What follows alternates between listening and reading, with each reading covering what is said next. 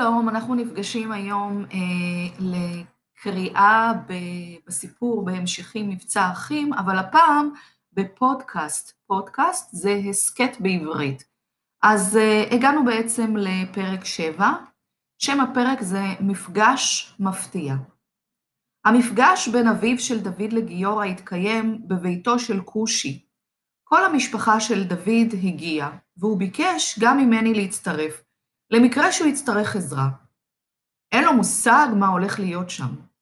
החדר התמלא במהירות באורחים וההתרגשות הייתה רבה. מעולם לא ראיתי שני גברים בוכים ככה, כמו ילדים קטנים ולא מצליחים להירגע, ועוד גיורא, המדריך הקשוח שלנו. זה היה ממש בלתי נתפס.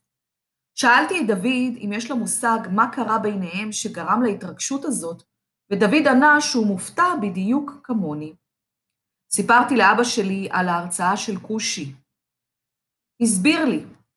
סיפרתי בקיצור, כי אני יודע שאבא שלי עלה במבצע משה, שזה מוש... מבצע אחר.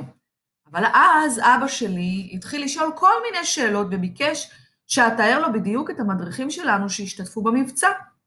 כבר אז התפלאתי שהוא התעניין בפרטים. סיפרתי לו על כושי ועל גיורא, והוא ביקש שאתאר אותם. ושאל אם למישהו מהם יש צלקת גדולה בזרוע שמאל. לגיורא יש צלקת כזאת, נזכרתי. זהו, כשאמרתי לו שלגיורא יש, הוא התעקש שהוא רוצה להיפגש איתו. ואת ההמשך אתה יודע בדיוק כמוני. נראה שיש ביניהם קשר ממש חזק, אמרתי, ודוד ענה שזה הדבר האחרון שמתאים לו, איזשהו קשר לגיורא. יש לי עדיין את הרשימות, אמר אבא של דוד והוציא מכיס מעילו דפים מתפוררים, מקופלים לארבע. גיורא הסתכל בדפים בהתרגשות והפך אותם מצד לצד. הרשימות היו כתובות בעברית ובאמהרית, וליד כל שם היה מסומן X. רק ליד שם אחד לא היה סימן, ליד השם של מולו אלם. את השם הזה שכחתי לסמן, אמר מולו אלם בחיוך מבויש. בעצם אני באמת היחיד שלא עלה על הסירות בסוף. אז איפה היית בעצם? התחבאתי. למה? פחדתי מהיריות. אז איך עלית לארץ? או, זה סיפור ארוך. חיכית הרבה?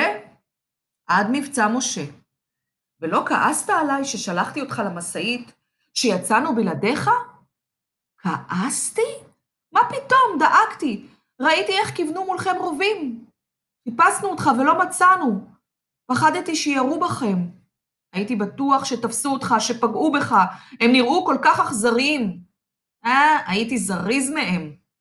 שניהם שתקו. דוד ואני הסתכלנו עליהם כאילו דיברו בשפה אחרת, עד שגיורא שבר את השתיקה ואמר, לא שכחתי אותך אף פעם, מולואלם. בחלומות באמצע הלילה היית מופיע לי. אני גם ביום הייתי חושב עליך. פחדתי שלא שרדת, הרגשתי אחריות על מה שקרה לך.